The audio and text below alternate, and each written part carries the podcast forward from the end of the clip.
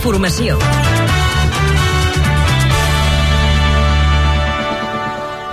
Bona tarda, són les 6.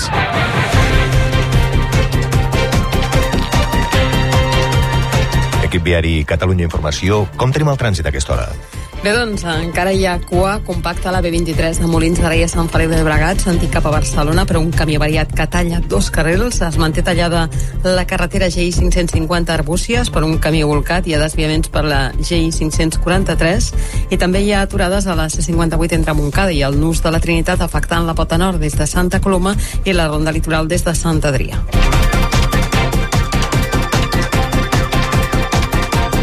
L'incendi forestal que crema des d'ahir a Vilanova de Viver, a la comarca castellonenca del Millars, està en un moment crític i ja ha cremat més de 3.500 hectàrees. 1.500 persones de 8 poblacions han hagut de ser desallotjades i treballen gairebé 600 mitjans terrestres i diversos d'aeris en unes tasques d'extinció complicades perquè ara amenacen el Parc Natural de la Serra d'Espadà. Protecció Civil activa el Pla Alfa per risc d'incendis en 10 comarques. Aquí, a nivell 2, és el segon més alt i en 26 comarques a nivell 1 per la previsió d'altes temperatures, baixa humitat i vent. Prohibit fer foc al bosc, cremar restes vegetals o focs d'esbarjo.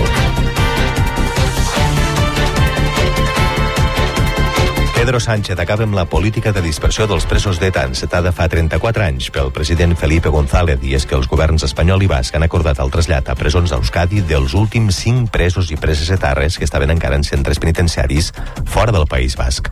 El líder de Bildu, Arnaldo Otegui, ho celebra, però denuncia alhora que l'estat espanyol ha estat, diu, durant anys, vulnerant els drets humans.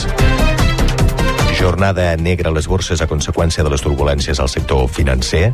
El Deutsche Bank ha perdut gairebé un 10% en una sessió en què tots els bancs han resultat castigats. La Unió Europea defensa la solvència de les entitats i es compromet a avançar els fons europeus de garantia de dipòsits. Principi d'acord per desconvocar la vaga dels lletrats a l'Administració de Justícia. Dimarts es tornen a reunir amb el Ministeri. Si dilluns vinent la proposta és aprovada pel conjunt dels funcionaris, es posarà a fi una protesta que s'allargue durant mesos. 34 persones desaparegudes en un naufragi en aigües de Tunísia. És la cinquena embarcació de migrants que s'enfonsa els últims dos dies, després d'haver sortit de territori tunisià. En total, les autoritats confirmen la mort de 7 persones i la desaparició de 67 més.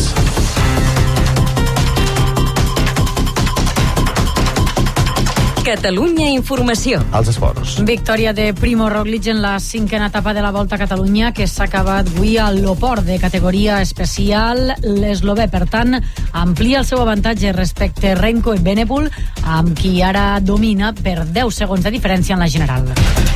Frenkie de Jong té una lesió en el bíceps femoral de la cuixa dreta i es baixa per als pròxims partits. L'evolució marcarà la disponibilitat del jugador. Esta vesprada fan proves Andreas Christensen, que es va lesionar ahir en el soli de la cama esquerra en el partit de Dinamarca. La Lliga ha desinscrit Gavi com a jugador del primer equip del Barça, tot i que el migcampista podrà seguir jugant, però amb fitxa del filial.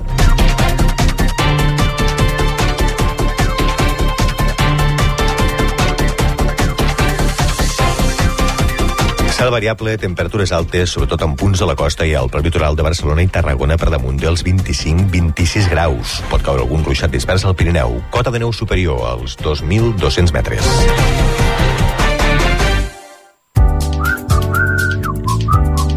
Ràdio Sant. Bor.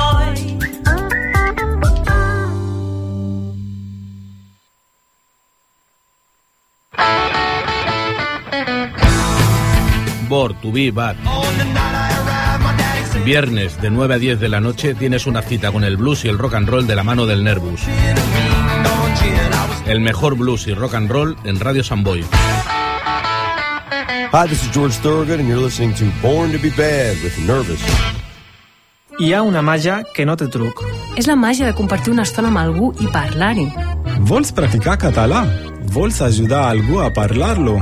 Apunta't al voluntariat per la llengua. El programa de les parelles lingüístiques a vxl.cat. Perquè quan parles, fas màgia. Generalitat de Catalunya. 100 milions i mig de futurs. Ràdio Sant Boi. Més de 40 anys amb tu.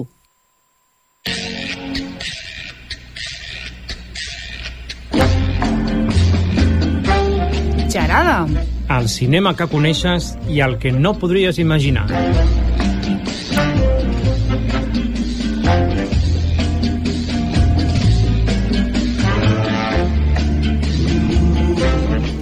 Molt bona tarda a tothom. Paco? Bona tarda, avui Jaume. No estem, avui ens podríem haver pensat que estaríem sols, però no, eh? No, ja has vist, eh? No, goita, quina bellesa. Tenim, tenim aquí la, la sala plena. La Marta, tu, Sí, t'ho dic. Tenim tenim la aquí, Marta.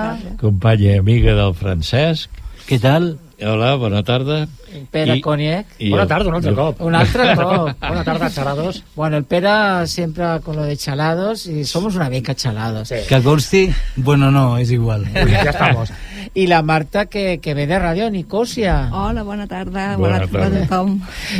Ràdio Nicosia, que ja, ja la coneixem ja, una bona tasca no, que fa a les zones per moltes coses, per la salut mental, però també per a la, per a la gent en general. Sí, per a la gent i per tothom que tingui alguna que dir, que algú que, que, que, bueno, que, que protestar, que reivindicar, que, que, que denunciar i que, que això. expressar.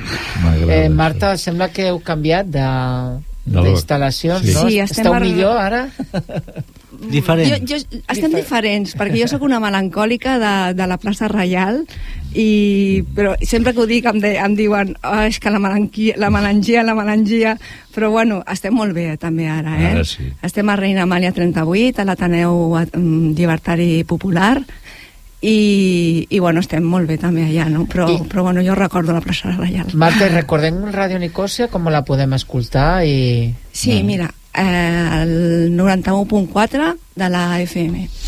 Així que ja sabeu que també teniu una programació alternativa, diferent, amb moltes programes, bueno, no, no estàndards, no clàssics, sinó diferent, no? més, més oberts, més populars per a la gent, molt de ràdio, diversos. de Ràdio Contrabanda, que Ràdio Contrabanda també és la- l'emissora en la qual mm, emitim, és un programa Ra- Ràdio Nicòsia de Ràdio Contrabanda i té molts altres programes, però nosaltres som un dels programes de Ràdio Contrabanda. I a més a l'Ateneu Enciclopèdic, el nou local on estem amb instal·lacions molt àmplies, doncs moltes vegades es passa cinema i es fa debat. Bueno. O sigui que estant a un espai com el Xarada també està bé subratllar que allà es fa aquesta tasca divulgativa i, i d'aquest Cultural. tipus. Sí. I de cinema. Molt bé. I nosaltres comencem com cada setmana. Jo doncs, voldria destacar que, que no fa massa que també estaves amb nosaltres aquí, Ah, sí. eh, com a... Sí, i bueno, això és un Francesc goig de Diego, tornar-te a sí, veure. clar que sí.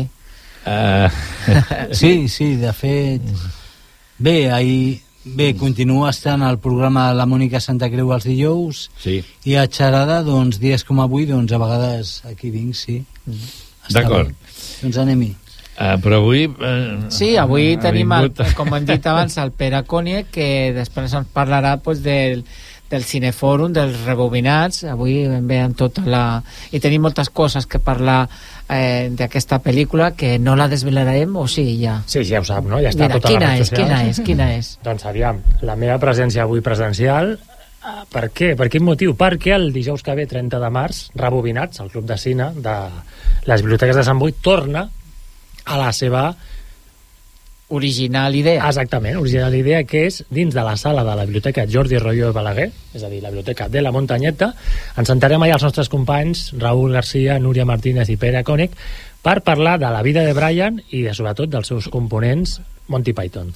Pues, uh, de tot això en parlarem després, però abans fem les novetats de, de la setmana aquí a Cinemes Can Castellet.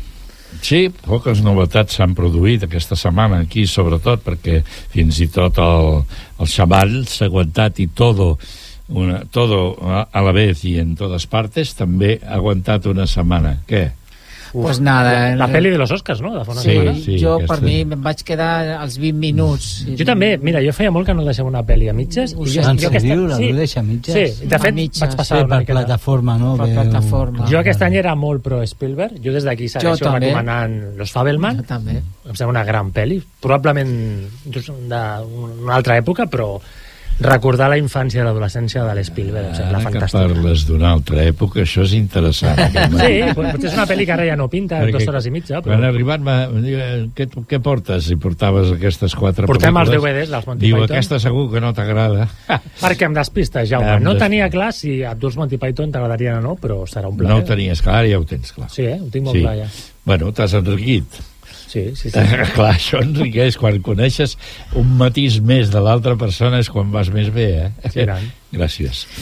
Uh, bueno, les pel·lícules que tenim doncs són l'Hotel de los Líos, que això és, és una comèdia espanyola, pel que puc veure, no, Sí. no, no és que ho porti. uh, una comèdia espanyola amb Anna Mungar Mungarren, Mungarren, sí? Sí, aquesta és la directora, José, Bolugarren. Sí, José Mota, Pepe Viñuela, Paz Padilla, en fi. Uh, bueno, és una pel·lícula que ens parla d'un hotelet destartalat eh, que compta per error amb una subhasta que a un preu desorbitat i que hi ha un grup que el compra i aquest grup doncs és el que arriba allà i es troba amb el, amb el pastís Sí, ben eh, embolicat. és una pel·lícula en la línia de les comèdies que Santiago Segura està d'alguna manera llançant, no? que està, està tenint molt èxit comercial i familiar i jo crec que pues, s'estan apuntant més eh, això, pel·lícules d'adults còmics amb eh, gent eh, més joveneta, més infantil eh, que Val- fa també me...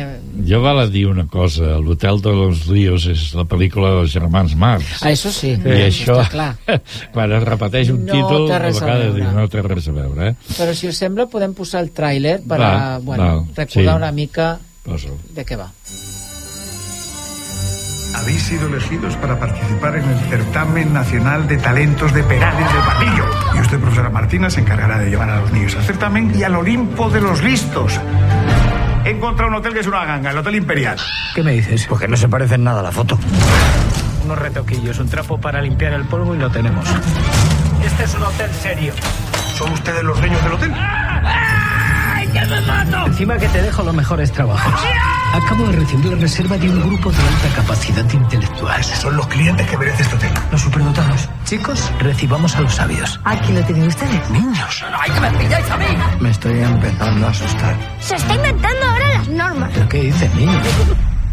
A mí este hotel me da mucho yuyu. El hotel está encantado. ¿Pero qué es esto? Espíritus. Los mayores no sabéis defenderos solos. ¿Qué estáis tramando? No vamos a ponérselo fácil. ¡Otra vez tú!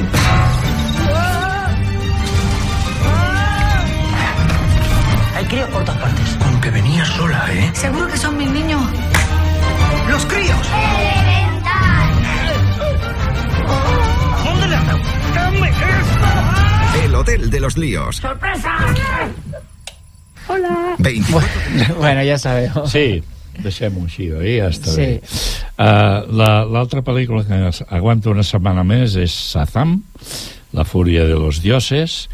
Uh, llavors hi ha una altra pel·lícula també, aquesta és d'estrena, que porta per títol 65, i que estem amb una catàstrofe d'aquestes que passaran al nostre i a altres planetes que hi ha en aquest univers, el qual un pilot descobreix ràpidament que realment està encallat a la Terra fa 66 milions d'anys.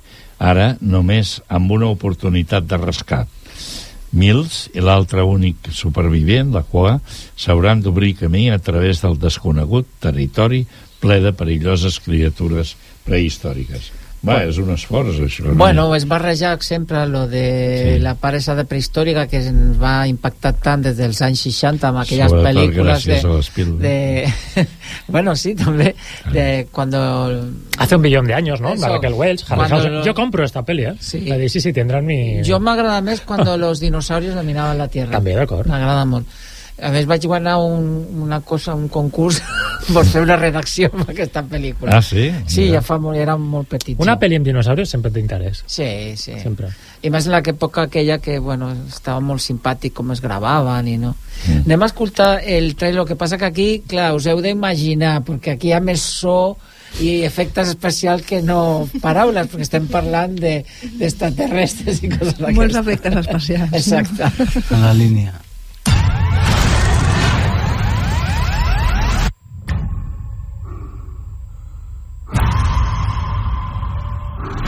Llamo Mills. Era el piloto de la nave. Nos hemos estrellado en un planeta desconocido. Somos los únicos supervivientes. No sé dónde estamos, pero ahí fuera hay algo. Una criatura alienígena.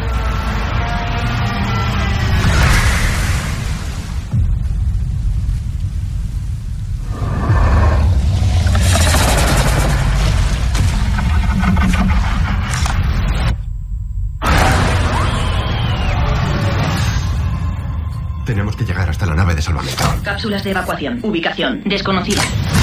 Tenemos que ir en silencio Silencio. y avanzar. Tengo que llevarte a casa. Casa. Familia. ¿Lista?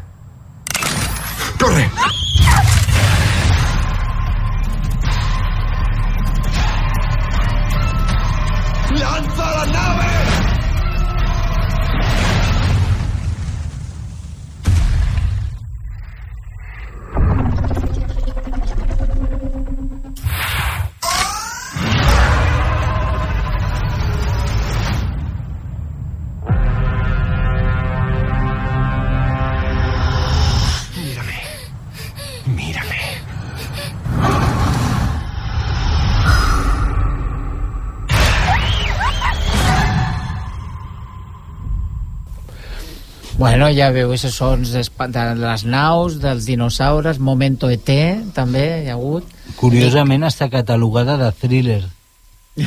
bueno. No aventures o... No, thriller, vale. Bueno. A thriller està dit així, sí.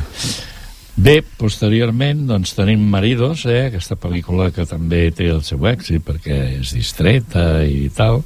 Mòmies, també, una altra pel·lícula d'animació, en aquest cas. Scream 6, eh, també, perquè també, sí, d'aquestes n'hi ha totes les que vulguis. I llavors el que crida més l'atenció és aquest passeig amb Madeleine. Madeleine. El passeig amb Madeleine és una pel·lícula de Christian Carlon, Carion, perdó, amb Lina Renault i en Danny Boone, que és un actor que en el cinema francès resulta molt eficaç. Si no recordo malament, és aquella pel·lícula d'allò d'anar al norte, allò, saps? Ah, que sí, anaves Bienvenido al norte o al Això, sur. Bienvenido al norte. Llavors aquesta pel·lícula és tan senzilla com que és una senyora que contracta un, un taxi i en el taxista li diu que vagi eh, vagi doncs, pels diferents llocs que ella li anirà dient eh, perquè ella a partir d'aquest moment que se'n va de casa seva ha d'ingressar a, un, a una llar d'avis no? I bueno, doncs no sé serà pel·lícula entranyable dels que ens agrada a tu i a mi, eh Paco? Sí, jo crec que sí, Segur. aquesta- I a tu també? I a mi també. A tu també, A mi vale. ja l'argument ja... Passejar a Sí. Miss Daisy, per exemple, no? I, No, però té, té la seva, Ah, el seu encant de, de trobar els espais dintre de, de, Això de, del seu interior. Sí, perquè si els espais no funcionen, tampoc funciona la pel·lícula, eh? No, no, per està això. més clar que l'aigua. Vaig veure no fa gaire aquella va, passejant a Batiful, em sembla que és, o Batinful, bueno, és una dona gran que s'escapa també de casa seva, està fins al monyo de la jove i del seu fill, i se'n va al poble allà que ella va néixer, no? i també tot el trajecte és una meravella. Com va trobant en els trens com va, va fent simpatia goig, en fi és una pel·lícula que l'he vist no fa gaire perquè ja no és nova i molt interessant per acabar direm que El Carcol i la Balena és una pel·lícula del cap de setmana infantil i llavors un documental que expressa precisament de Wim Wenders, que el coneixem molt bé, jo crec que almenys a mi m'agradava i molt i m'agrada ara quan veig alguna de les seves pel·lícules. La pel·lícula es diu Pina i és l'homenatge de Wim Wenders en tres dimensions a la ballarina coreògrafa alemanya Pina Bausch eh, que mestra de dansa en un documental que recull principalment els testimonis dels seus col·laboradors bueno, això és tot el que tenim aquí I aprofitant que està el francès, Ai, sí, pues, pues, el mateix pot Un bonus track ja. Aprofitar que un altre tu. documental, sí, sobre Rafael, que de les 200 obres que es considera que va realitzar, aquest pintor mm, magnífic, doncs recull una 100 en què es podran veure en pantalla gran el 4, 5 i 6 d'abril, sí. Sí, sí. és un pintor renaixentista de l'època del Cinquecento i a més és que eh, una de les coses que m'he destacat d'ell és les mares de Déu amb els nens que va fer és molt valorada, a part de l'escola d'Atenes i, i altres, altres, iba a dir altres pel·lícules no, altres pintures, però jo crec que les mares de Déu va, va fer coses molt maques, lluir, molt boniques eh?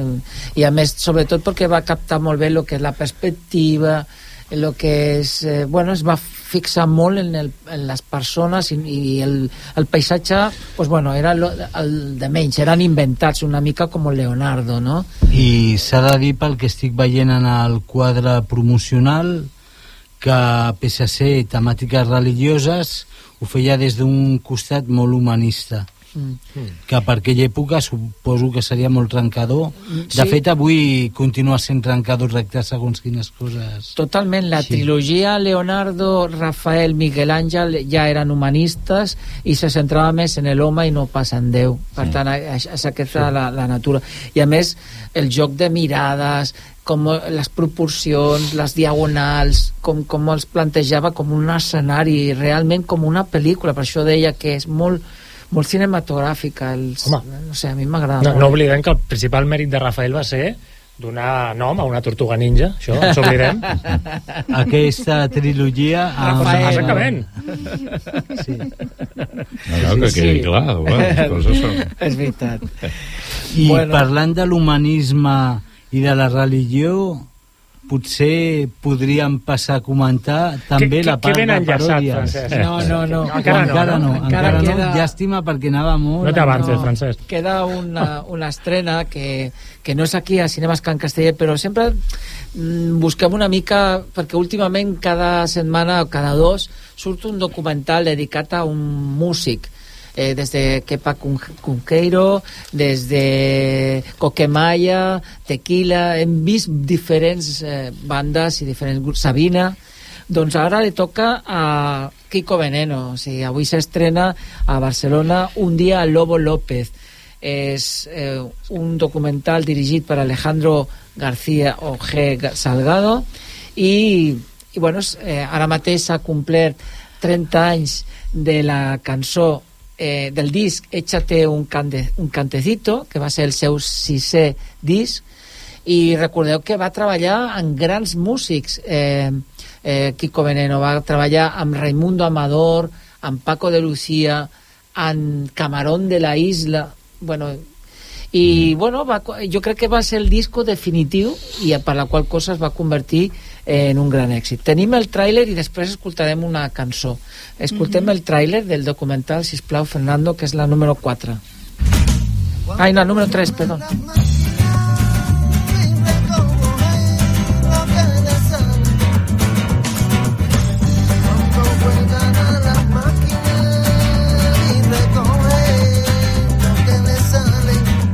Yo quisiera vivir de la música, dar canciones para otra gente. Quisiera cantar mis propias canciones con un grupo. Estaba en una situación vital que no sabía cómo barajar mis alternativas artísticas. Yo soy muy cambión. soy muy cambión, me gusta mucho cambiar. Y tampoco era capaz de mantener mi familia ni darle de verdad lo que necesitaban. Y entonces llamo a Santiago. Voy a intentar hacer un disco más, pero si no logro vivir de la música lo voy a dejar ya. Estamos potentes, estamos fuertes. Vamos a dar un cante guapo a la gente. Queda inaugurada la Exposición Universal de Sevilla.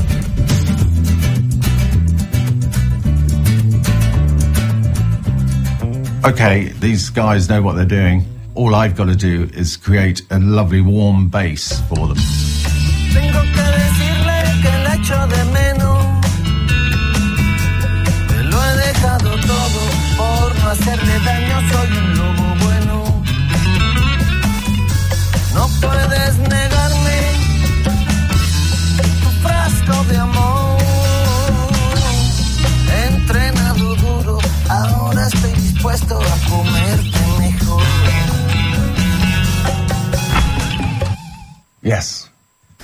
Bueno, pues ja sabeu, Kiko Veneno, us agrada? Heu escoltat a Kiko Veneno? Jo, això m'ha recordat a quan jo era molt, pe- més jove, molt, molt més molt, jove. molt més jove, perquè ja tinc uns anyets. Jo també ho era, eh? Quan tu eres més jove, jo també ho era. I sentia totes aquestes cançons i T'agradava. m'agradava molt. Bueno, me segueix agra- agradant. Ja, però ja, ja. Ara m'he passat una mica més a l'electrònica i aquestes coses, Ja. però, però he, he fet un flashback al... el cas és que jo el vaig començar a conèixer molt tard ja amb el blues de Memphis i coses així. Clar, lo que pasa que sí que va ser una ruptura en el món de la música, perquè sempre Mhm. teníem el flamenco com algo molt clàssic, Clar.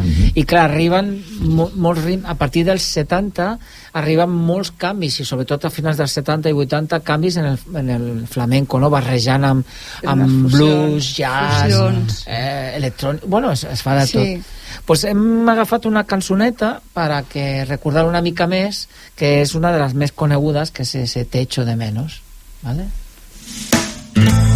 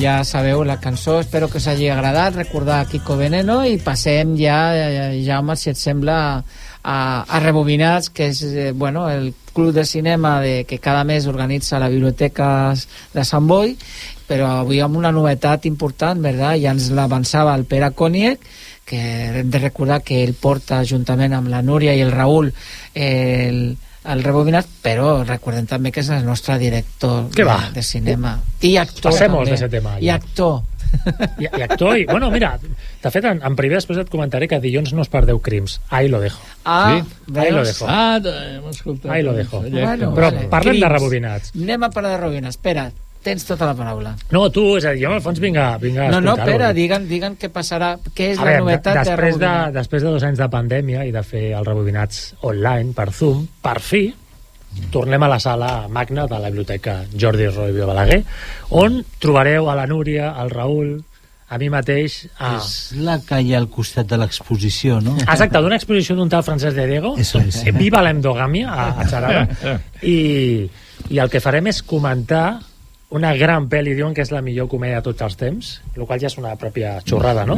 que serà La vida de Brian, del 1999, i tot l'univers dels Monty Python, és a dir, el que fem també a Rebobinats Presencials és no només parlarem, com si fóssim una secta, que al fi i al cap és el que parla la vida de Brian, sinó que projectarem fragments de la vida de Brian, que probablement ara ens atxafaràs tu amb àudios, Sí. i, i també parlarem sobretot de tot el conjunt d'aquests sis còmics que van ser els Monty Python, no? que no només van fer la de Brian, sinó que van fer un total de quatre pel·lis, de tot el seu univers amb la sèrie, parlarem de tot el que vulgui el públic assistent.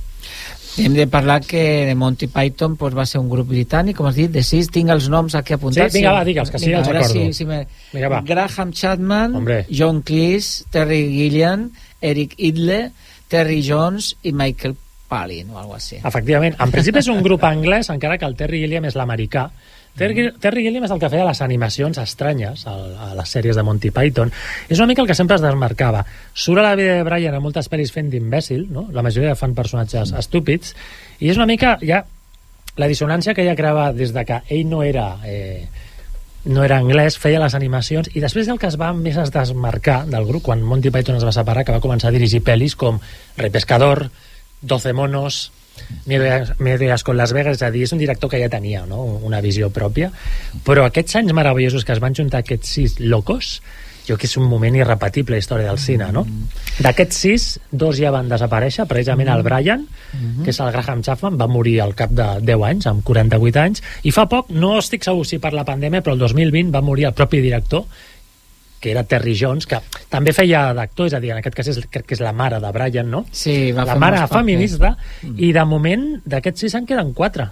Mm. Probablement el més cèlebre, no?, que els haurem vist amb altres tipus de, de ficcions és John Cleese, no?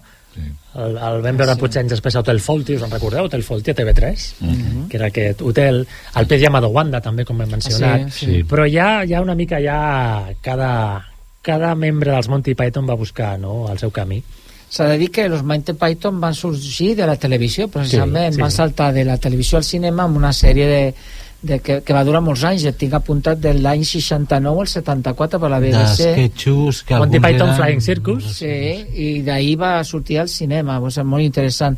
Anem a, per a obrir boca, anem a posar una de les, un fragment que és el 6, eh, a veure que és molt, és molt classe, és molt classe i molt, molt simpàtic. A veure si el recordeu aquest.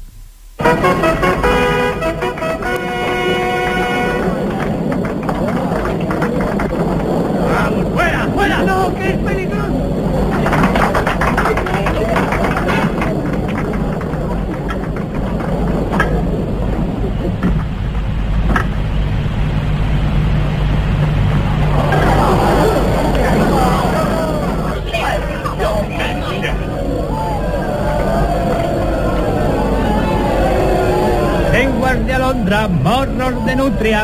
De ocelote. ¿Tienes pipas?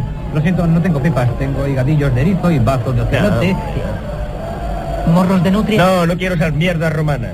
¿Por qué no vendes comida normal? ¿Comida normal? Sí, no esos aperitivos imperialistas. Yo no tengo la culpa, no soy más que un mandado. Bueno, dame una de morros de nutria. Que sean dos. Dos. Gracias, Rey. ¿Sois del Frente Judaico Popular? Vete a la mierda. ¿Qué? ¿Frente Judaico Popular?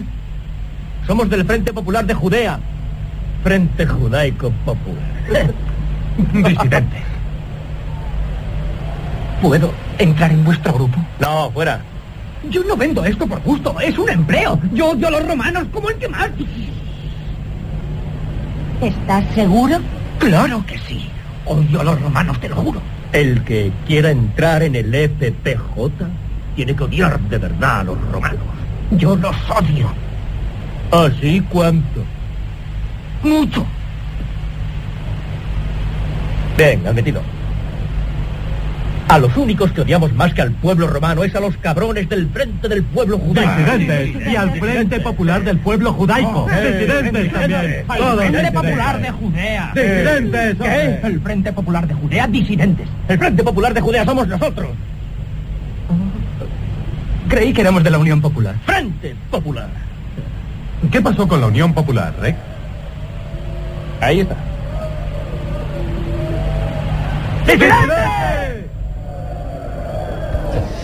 Bueno, ahí un fragment molt, molt interessant, no? I a més, molt, molt actiu encara, no, no Totalment. és atemporal. Totalment. Home, eh, la vida de Brian, ojo que normalment tots la vam veure potser de nens, d'adolescents, estan parlant d'una pel·li de 1979, però ja quan vas creixent i vas una mica del peu del que calça la classe política, aquesta pel·li Mhm. és completament actual, vigent, probablement aquesta discussió ens pot, aquesta discussió que hem vist amb aquest tall, ens pot recordar, no?, algun tipus de moviment polític que va néixer fa uns anys, és a dir, em recorda moltíssim. Mm. Doncs sí, la veritat és que sí. Algun jo altre, no sé si recordeu, quan, jo, la, jo recordo quan la vaig veure la pel·lícula i tinc una anècdota que us, que us, que us cridarà molt l'atenció. I és que jo estava en, en, en batxillerat i el Fernando se'n recordarà. Eh, jo teníem un professor de religió que es deia Jaume, Jaume Vila, Mira. que era el nostre cura de la nostra parròquia de, de Cans Blanc, de Sant José Obrero. Doncs aquest va organitzar una sortida al cinema, eh, professor de religió, i ens va portar a veure la vida de Brian. Caram. Eh, després hem de dir que aquest senyor es va casar, eh? també s'ha de dir. Era d'aquells cures que se li van anomenar rojos, mm, obreros... Dissident. Dissidents, com los de la Frente Judaico. I la veritat que, que, que bueno, jo vaig quedar... Vaig començar a riure des del començament fins al final. I aquesta anècdota la sempre l'explico, perquè no podia ser d'una altra manera millor de veure una, la vida de Jesús, però portat per un professor de religió. Fantàstic, diu molt, eh? A veure, no, no, no parlarem ara de... Però, curiosament, el, el projecte sí que era inicialment la vida de Jesús, però si, si es valia un pitote bestial amb la vida de Brian, que és una paròdia, és a dir, és un personatge en paral·lel, imagina't si arriba a ser la representació de Jesús, directament haguessin matat, igual que van matar uns tal Pasolini i altres directors, no? Sí. Sí. Els Monty Python van fer una reflexió, van dir, anem a fer una història en paral·lel per poder fer paròdia. Crec que el punt de partida va ser, com sempre, a mi el que em meravellava més dels Monty Python és que eren amics, amics que anaven a sopar, que bevien junts i tenien idees. Un brainstorming, crec que un d'ells, el que després va composar la famosa cançó amb el que acabarem xerada, toma, spoiler, i crec que el punt de partida va ser una frase com Jesús tiene ansias de fama, una cosa així, una cosa molt bruta, de dir, hòstia, imagina't una pel·lícula que parli amb aquest to i no es van atrevir i el que van fer és crear un personatge de ficció que és Brian, el Brian. fals Brian, el falso Messias, i la primera seqüència veiem, no?, on els tres reis mags s'equivoquen, no?, de portal, porten els regals al nen que acaba de néixer, fins que es donen compte que no, que este no era i efectivament Brian es queda en paral·lel a Jesús. Encara que crec, jo diria que Jesús mai arriba a sortir, no?, després durant tota la trama. Tota la història, només al, al començament, no?, el primer, Sí, la primera un- seqüència. A més, cal recordar que suposo que el Pere sí que ho sabrà, però dos anys abans havien fet el famós Jesús de Nazaret de Sí. Cefirelli sí. en Turquia o en Túnez, no recordo, i van aprofitar la vida de Brian per fer-la. Ah, exacte, exacte, per fer-la ahir, en el mateix, els mateixos escenaris de la pel·lícula. Per tant, eh, era com ostres, eh, la religió de, del Cefirelli amb una cosa totalment diferent no? i atrevida. I bueno, no sé, en Túnez, tinc apuntat que era Túnez. Sí, és que el, el que sorprèn més de la vida de Brian és el bon acabat que té, perquè no deixa de ser gag rere gag.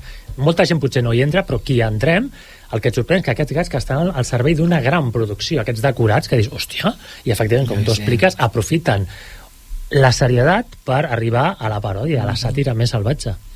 Sabeu quin, quin està... Bueno, tu sí que ho sabràs. Tu explica, Paco. Qui, estarà, qui estava darrere de la producció de la... Explica'ns, il·lumina'ns, Paco. pues mira, un Beatle, I George tant. Harrison, I tant, i tant. estava darrere de la producció de, de la pel·lícula de vida de Brian. Sí, de fet, el, el productor va llegir el guió, em sembla a mi, una setmana abans, es va rajar, va dir, és impossible que fem això, i van demanar ajuda al seu col·lega. De fet, els Monty Python li deien los Beatles, no?, de l'humor, Sí. una mica, no?, en paral·lel, i el George Harrison sí que és el productor executiu. Aparentment apareix fent un cameo, jo no l'he localitzat encara, la vull tornar a veure, i home, gràcies a aquesta persona tenim aquesta pel·li que va alegrar molta gent, va levantar ampolles, com es diu, i curiosament, gairebé 45 anys després, és una pel·li on crec que amb aquest món d'ofendiditos que vivim de Twitter i de redes socials, hi hauria molta gent que si la veu per primera vegada una persona que no està preparada, jo crec que és una pel·li que pogués, pot seguir molestant moltíssim, el qual és molt interessant. Clar, és que en aquells moments va coincidir també que va sortir Jesucristo Superstar, Sí, que també que era més, més clàssica, però clar, un Jesucrist cantant i Sí, sí, hippie i a favor. i hippie i clar, Sí. i, clar i surten aquests ja cada vegada l'empitjorem una mica més no? I a part el fet de que sembla que la base de la pel·lícula sigui la paròdia de la religió, però és molt més per lo que hem pogut veure, sentir amb aquest àudio i recordant la pel·lícula moltes, molts altres fragments que no van precisament a una base de fe sinó de política.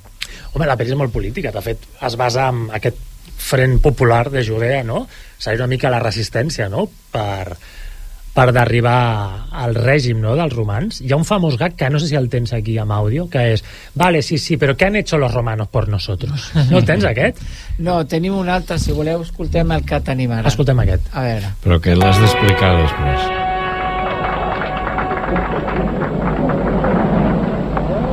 Sesión infantil. Señores, el próximo combate será entre Mascarenes de Macedonia y Mixor el Triturador.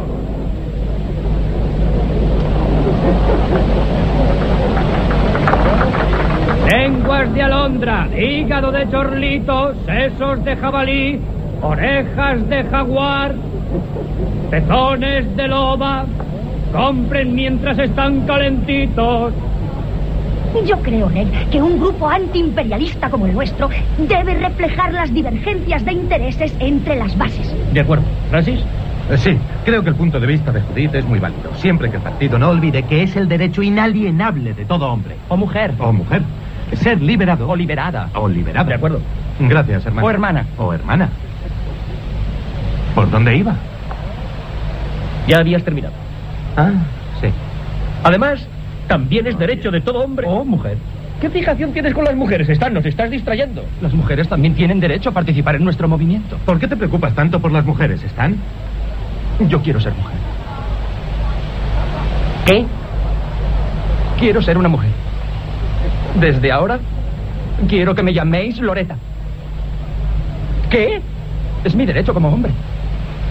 ¿Por qué quieres ser Loreta, Stan? Porque quiero tener hijos. ¿Quieres tener hijos?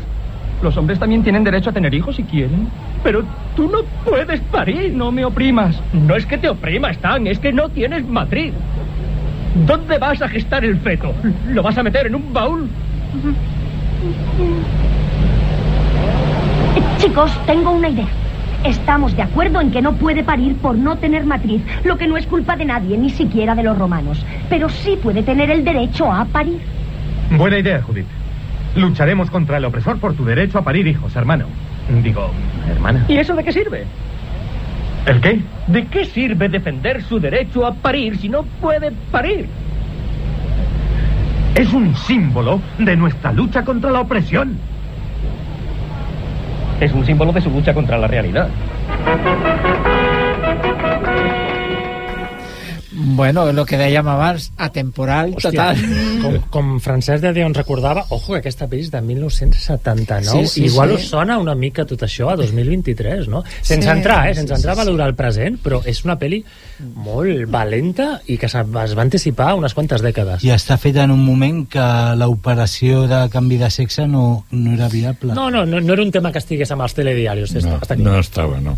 No n'hi havia. Que curiós, eh, veure aquesta pel·li amb aquests suïts avui en dia. Jo crec que sempre, com deies tu, es- està bé recuperar i tornar a veure coses com aquesta perquè, perquè penso que aprens cada vegada més. És Jo quan, esta, quan estava preparant aquests talls vaig pensar que aquests eren els més, més atemporals estan dels molt que vaig veure. Eh? El, el tall que comentava amb Jaume i jo abans era aquest tall de, també curiós, no? que eh, dins d'aquest grup, una espècie de grup terrorista no? que vol atacar a la sede romana, tots comencen a parlar de lo malos que son los romanos, i un d'ells formula la pregunta, ¿qué han hecho los romanos por nosotros? Y un salta, bueno, han hecho las carreteras. Y digo, vale, vale, pero aparte de las carreteras, y l'altre salta, el alcantarillado. Y digo, vale, vale, pero aparte de las carreteras. El comencen a sortir idees, el acueducto. O sigui, és un gag brillant. Sí. Sí, sí, sí. sí. Està molt bé. Sí, sí. Així que tot això ho recuperarem. De fet, una mica el rebobinat serà això, però veient-ho amb imatge, mm. està molt bé escoltar-lo, Paco, però el dijous us convidem a que vinguem i veurem aquestes seqüències, no només de la vida de Brian, sinó de Eso. Se armó la gorda, la primera pel·li, Sí. que a veure, aquest és un títol espanyol, encara no s'havia estrenat a Terriza como puedas, gràcies a Déu. En el fons, això és una recopilació de nous capítols gravats de Monty, Fly, Monty Python Flying Circus, que era la sèrie, i el títol original era un, una parida que soltava John Cleese, que és «Y ahora algo completamente nuevo». És a dir, havia una espècie d'intermedio i sortia John Cleese dient això. I en realitat el títol original d'aquesta pel·li és «Y ahora algo completamente diferente o nuevo», no? I aquí es va dir «S'armó la gorda», un títol molt original, no? i veiem bàsicament una recreació d'aquests gags tan famosos. Curiosament, he estat parlant amb gent i hi ha molta gent que té una idea dels Monty Python com humor grueso, curiós, humor grueso, zafio, però jo recordo que un d'aquests gags és un partit de futbol entre filòsofs. Em sembla brillant, no? Veiem allà Aristòteles, veiem un munt de filòsofs, i ningú sap què fem la pilota de futbol, perquè està al mig. I crec que és al final un d'aquests filòsofs que té la gran idea, no? I al final marca, no? És a dir, que sempre he pensat que els Monty Python eren molt, un, un grup de còmics molt intel·ligents que sabien del que es reien, no? Perquè és fàcil emburlar-se des, la, des de la ignorància, no? jo crec que els Monty Python eren brillants. La seva següent pel·li que van dirigir és una altra cosa molt brillant també, que és Los caballeros de la mesa quadrada Ui. y sus locos seguidores. El títol original és Monty Python and the Holy Grail, el Monty Python i el Santo Grial, que és una paròdia de la leyenda artúrica, Excalibur, Lancelot, brillant. Em sembla que també ficarem uns quants gags el dijous, espero. Ha un famós gag que és La bèstia, on estan atemorits perquè van a una cova i hi ha una gran bèstia i apareix un conill. I veurem què passarà amb aquell conill, no? Amb el conill. Aquesta pel·li... No sé si us va, ser, no, us va, us va, mm, va passar a vosaltres, però jo, jo no vaig veure les anteriors. En, en el moment que es va estrenar La vida de Brian, Sí. clar, va, els vaig descobrir i va ser després quan l'èxit de Monty Python a nivell mm, de públic i vam recuperar les altres pel·lícules, perquè eren anteriors, no? Sí, sí, mira, l'ordre és, la primera és la- el recopilatori de gags, se armó la gorda, després passem a, a la Caballeros de la Mesa Quadrada, Vida de Brian, i l'última que van, es van agrupar va ser eh, Meaning of Life, el sentit de la vida, que també és brillant i probablement la més brutal que han fet a nivell visual, no? Però tornant a Los Caballeros, té un altre també brutal on un cavaller s'enfronta amb un altre que li comença a tallar totes les extremitats i el cavaller segueix allà, no? I jo crec que té un final increïble aquesta pel·lícula. De fet mm, he de reconèixer que després em vaig veure reflectit perquè recordes la pel·li aquesta que vaig fer que es deia Policromia, la pel·li dels colors? Al cap d'uns anys em vaig donar compte perquè quan un és espectador no es dona compte però jo crec que qui vulgui veure los caballeros de la mesa quadrada que veurà un munt de gent fent l'imbècil amb cavalls falsos, és a dir, moltes vegades són eh, paròdies no, del, del que estan muntant té un final apocalíptic. No t'ho esperes el que passa. Recordes com acaba aquesta pel·li? No, I em va no, recordar... no. Mi- Millor, eh? perquè és una pel·li que quan l'estàs veient no recordes que acaba d'aquesta manera. I vaig recordar que eh, la meva pel·li que vam fer aquí, al Baix Obrat, que es deia Policromia, té un final molt influenciat en aquesta pel·li. I jo mateix em vaig donar compte al cap de 10 anys. Eh? O sigui que us, recomano que recupereu la pel·li i si voleu també recupereu Policromia. La, la vida de Brian serà la del 79, que recuperarem el dijous. I l'última pel·li que van dirigir junts és El sentido de la vida. Recordeu aquesta pel·li? Sí. També és una pel·li, no hi ha una trama no, com a la vida de Brian, se- seria una mica una recopilació de gags on et van plantejant. Hi ha un famós gag que el propi Terry Jones és un senyor molt obès que va menjar a un restaurant. Recordeu aquest gag visual? Un senyor No. que no para de menjar, no, no para de menjar, i al final què passa? és un gag molt famós. Sí, sí. Jo recordo el de l'acudit que fa morir de riure. Exacte. Que em sembla brutal, M'encanta, Francesc. sí. I que, de fet, més que explicar-ho, seria com per recomanar que, El que la gent el busqués a YouTube i perquè és un no parar de riure. El dijous 30 de març us, us convido a tots els oients, a tots els xerados, que vingueu i veurem els millors ex de Monty Python i alguns fragments de, de, de les seves pel·lis. I exactament el punt de partida i de, i de què es podrà anar parlant a partir d'aquest punt de partida. Serà una mica... Anem a recrear el xerada, però allà, vale? parlarem una miqueta amb Raül, sobretot, de l'origen de Monty Python, no únic el que hem fet, comentarem una miqueta, però clar, tenim tantes coses que parlar que anirem pel·li per pel·li fins a acabar la vida de Brian. I bàsicament anirem passant fragments de Sermó la Gorda, de la pel·li de Los Caballeros, La vida de Brian i Monty Python en general. A no ser que hagin eh, propostes del públic i que arribat el moment puguem punxar suggerències. O, bàsicament, comentar-ho, com tu has vingut al públic, no? parlar entre nosaltres dels gags, com ara ha comentat Paco, anècdotes personals. El que vull dir, té sentit si algú va i comenta pel·lis d'humor, com Top Secret... I tant, no, és que està molt relacionat, i tant, Francesc. Algo passa con I- i tant. Mary o coses així, no? Clar, a veure, eh, clar, eh, el, el primer Aterriza como puedes seria una mica després, no? De Brian, també 79-80, i també estem basats en gags absurds, delirants, brillants. Tu veus a Aterriza como puedes avui en dia, potser no té aquesta base política i potser aparentment d'humor tan intel·ligent, però Aterriza como puedes a mi em sembla una pel·li brillant i tot el que van fer el, el grup ZAF, no? És a dir, gag absurd, rere gag, rere gag, em semblen grans genis.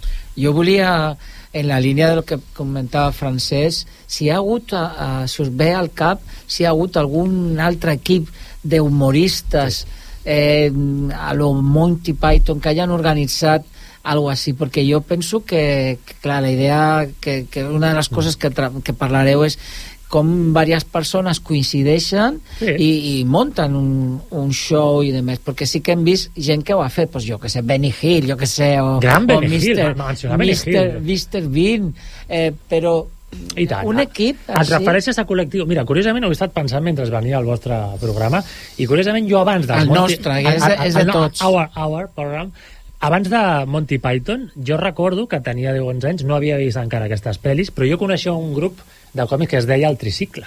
Ah, sí, clar. I bueno, recordo una sí. famosa sèrie de TV3 que em va pillar a l'edat bona, que era Tres Estrelles. Recordeu bona, aquella sèrie bona, sí. que estava situada en un hotel on tots els tres, en aquest cas eren només tres, eh, feien tots els personatges principals. És exactament el que feien els Monty Python 20 anys abans. I de fet, veient, recuperant, per exemple, al YouTube o a la web de TV3 gags de Tres Estrelles, veus una influència brutal dels Monty Python allà.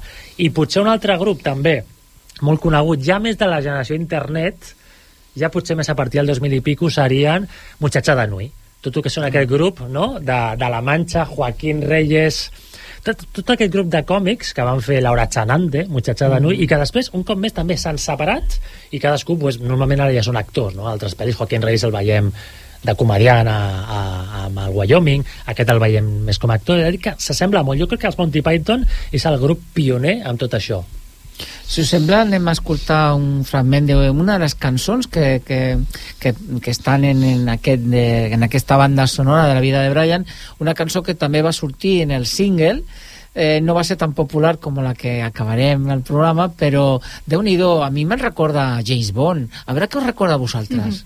Mm. Brian,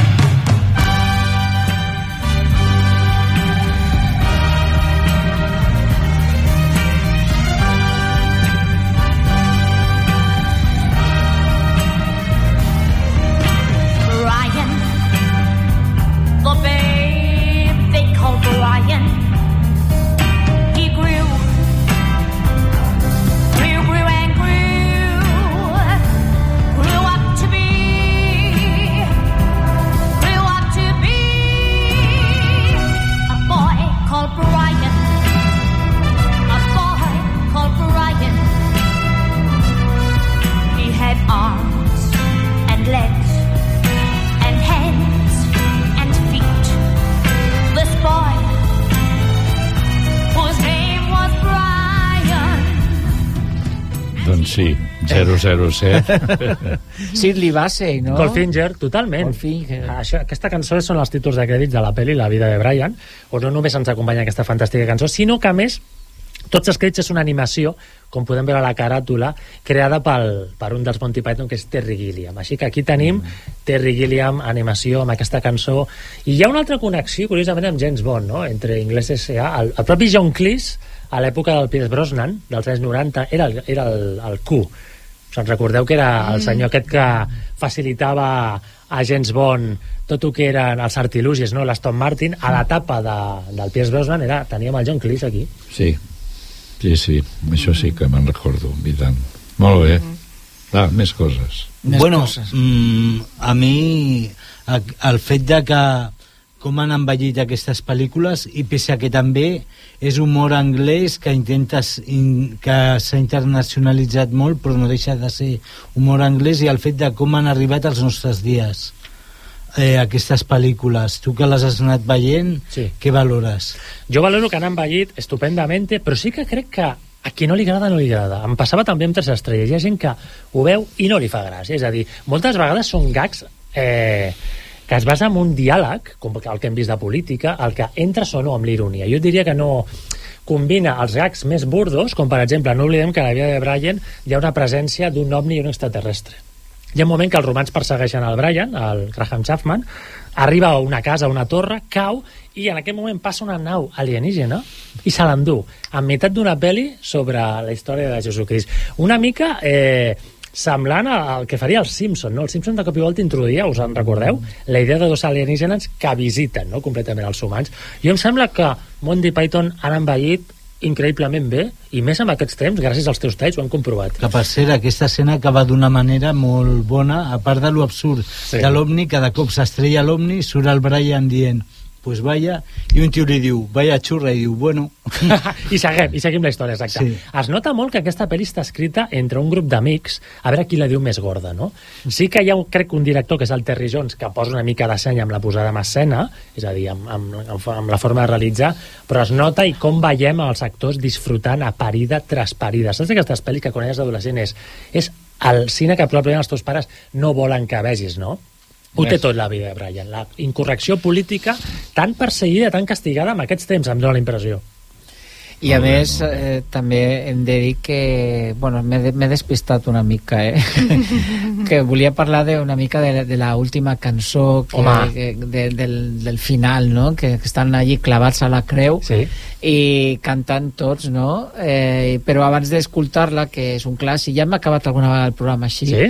és les versions que s'ha fet d'aquesta cançó. Eh, Tinguem una mica el llistat, Nacho García Vega, Art Garfunkel, Home. Green Day, o sigui, Sí, sí. vers- versions eh, totalment diferents d'una cançó que, bueno, que ens agrada la lletra i... I curiosament és una cançó improvisada.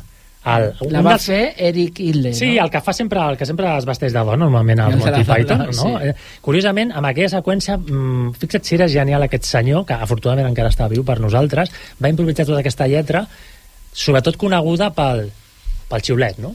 Mm. És a dir, ara suposo que l'escoltarem, i és una, és una d'aquestes cançons que molta gent no sap que forma part d'una banda sonora, no? perquè està integrada completament al nostre paisatge cinematogràfic. No? A més, és una de les cançons que, si us sembla, li vull dedicar al Francesc Aguilar, perquè és una de les seves cançons favorites i, com ho sé, doncs la dediquem eh, al francès, eh? Molt bé. A veure si escolta.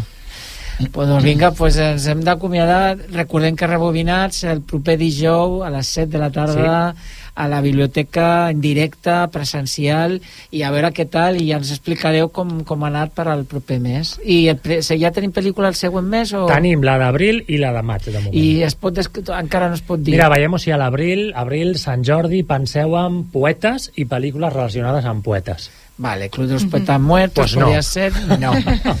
Algun Però poeta. quasi. És més maca, és més, és més maca. I plorarem. A l'abril plorarem. Vale, doncs... Perfecte. Molt bé. Marxem, fins la setmana que ve. Que vagi molt bé. Adéu. Adéu-siau. Adéu. Adéu. You know what they say? Some things in life are bad. They can really make you mad. Other things just make you swear and curse. When you're chewing on life's gristle, don't grumble, give a whistle. And this'll help things turn out for the best. And always look on the bright side of life. Always look on the light side of life. If life seems jolly rotten, there's something you've forgotten, and that's to laugh and smile and dance and sing. When you're feeling in the dumps, don't be silly chumps. Just purse your lips and whistle, that's the thing. And always look on the bright side of life. Always look on the right side of life. For life is quite absurd, and death's the final word. You must always face the curtain with a bow. Forget about your scene, give the audience a grin. Enjoy it, it's your last chance anyhow. So always look on the bright side of death. Just before you draw your terminal breath. Life's a piece of shit when you look at it. Life's a laugh and death's a joke, it's true. You'll see it's all a show, keep 'em laughing as you go. Just remember that the last laugh is on you.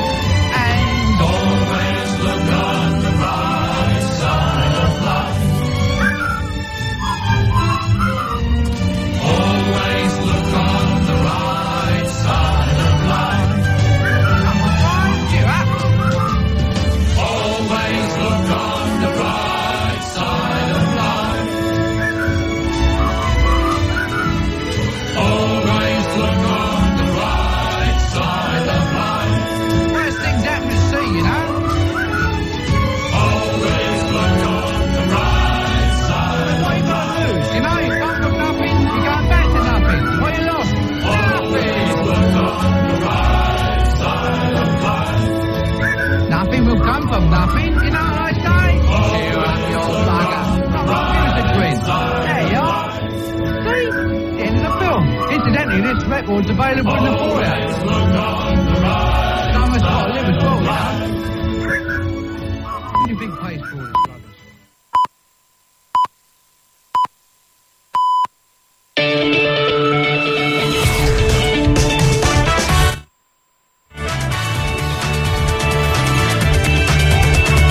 Catalunya Informació.